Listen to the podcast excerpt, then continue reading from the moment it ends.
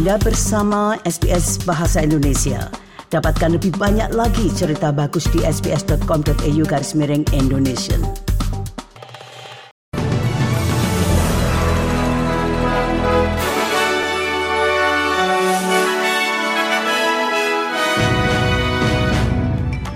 Berita terkini untuk SBS Audio Program Bahasa Indonesia untuk Rabu 1 November 2023. Pencarian korban selamat telah dimulai setelah serangan udara Israel yang menewaskan sedikitnya 50 orang dan melukai banyak orang dalam serangan ke kamp pengungsi Jabalila. Militer Israel mengaku bertanggung jawab atas serangan itu dengan mengatakan banyak militan yang tewas, termasuk komandan senior Hamas Ibrahim Biari yang mereka targetkan. Kelompok kemanusiaan mengutuk serangan mematikan itu. Dr. Abu Sita yang berada di Rumah Sakit Al-Shifa di Gaza mengatakan kepada SBS News bahwa persediaan tidak cukup untuk merawat para korban. The situation now is just catastrophic. We've run out of almost everything that you can imagine is needed for treating over 20,000 wounded. There's no space in the hospital. We have over 2,000 wounded patients in hospital that had a bed capacity of around 600. And even the most basic of supplies we've run out. We've run out of dressings, we've run out of intravenous fluids, we've run out of blades, sutures, anything that we require is either finished or in the last few boxes left. Militan Hamas telah menyatakan niat mereka untuk membebaskan beberapa sandera non-Israel dalam beberapa hari mendatang.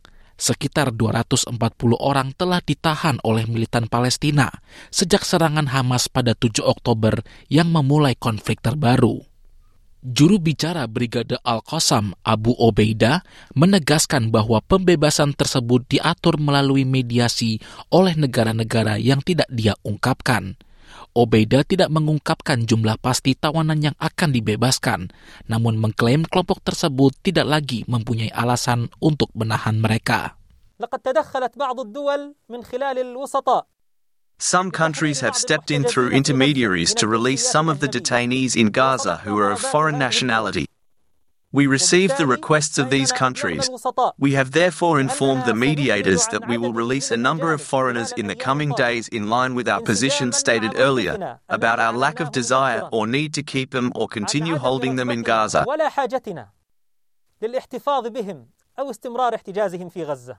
Keluarga negaraan Australia dari terpidana teroris Abdul Nasser Ben Brika telah dipulihkan oleh pengadilan tertinggi negara tersebut.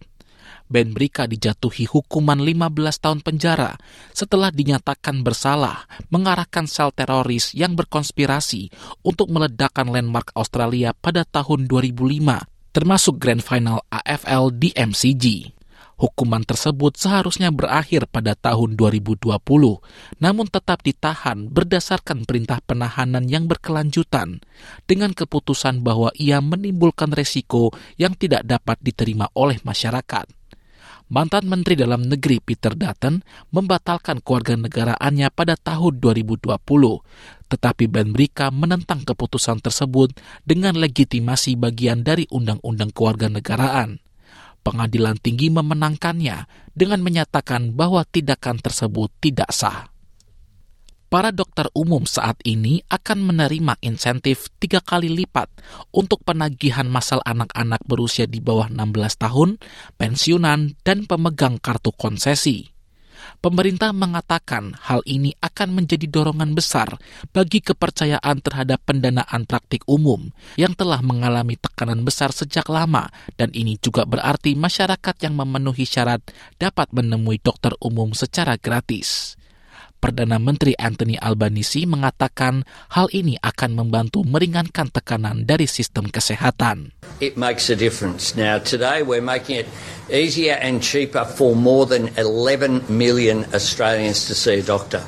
This is the biggest investment in Medicare bulk billing in 40 years. And the tripling of the bulk billing incentive is designed for more bulk billing to be spread as well as a result of what was the centrepiece of our budget handed down in May this year. penduduk Dalvin dan daerah sekitarnya di selatan Queensland telah disarankan untuk segera mengungsi akibat kebakaran hutan. Peringatan tersebut dikeluarkan untuk warga Dalvin, The Glen, Silverwood, dan Cherry Gully sumber utama kekhawatiran bagi negara bagian tersebut adalah kebakaran Tara di sebelah barat Brisbane yang telah menewaskan satu orang, menghanguskan 20 ribu hektar lahan, dan menghancurkan 53 rumah di Queensland dalam seminggu terakhir, lebih buruk dari tragedi Black Summer tahun 2019. Wakil Komisioner Layanan Kebakaran dan Darurat Queensland, Mike Wassing, mengatakan kepada ABC bahwa lembaga tersebut berupaya semaksimal mungkin untuk membantu daerah-daerah yang terkena dampak.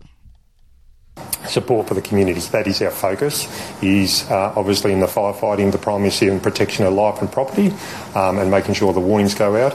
But our fundamental uh, focus continues on that in terms of supporting the local communities. Saat ini, lebih dari seribu petugas pemadam kebakaran sedang memadamkan sekitar 80 kebakaran di seluruh negara bagian. Warga telah diperingatkan untuk tetap waspada setelah kebakaran hutan di bagian utara New South Wales melanda rumah-rumah pedesaan dan menyebarkan titik api ke daerah perkotaan. Kota Tenterfield yang berada 15 km selatan perbatasan Queensland adalah pusat pemadaman kebakaran di New South Wales pada hari Selasa setelah tujuh titik api berkobar di utara, barat, dan selatan kota itu.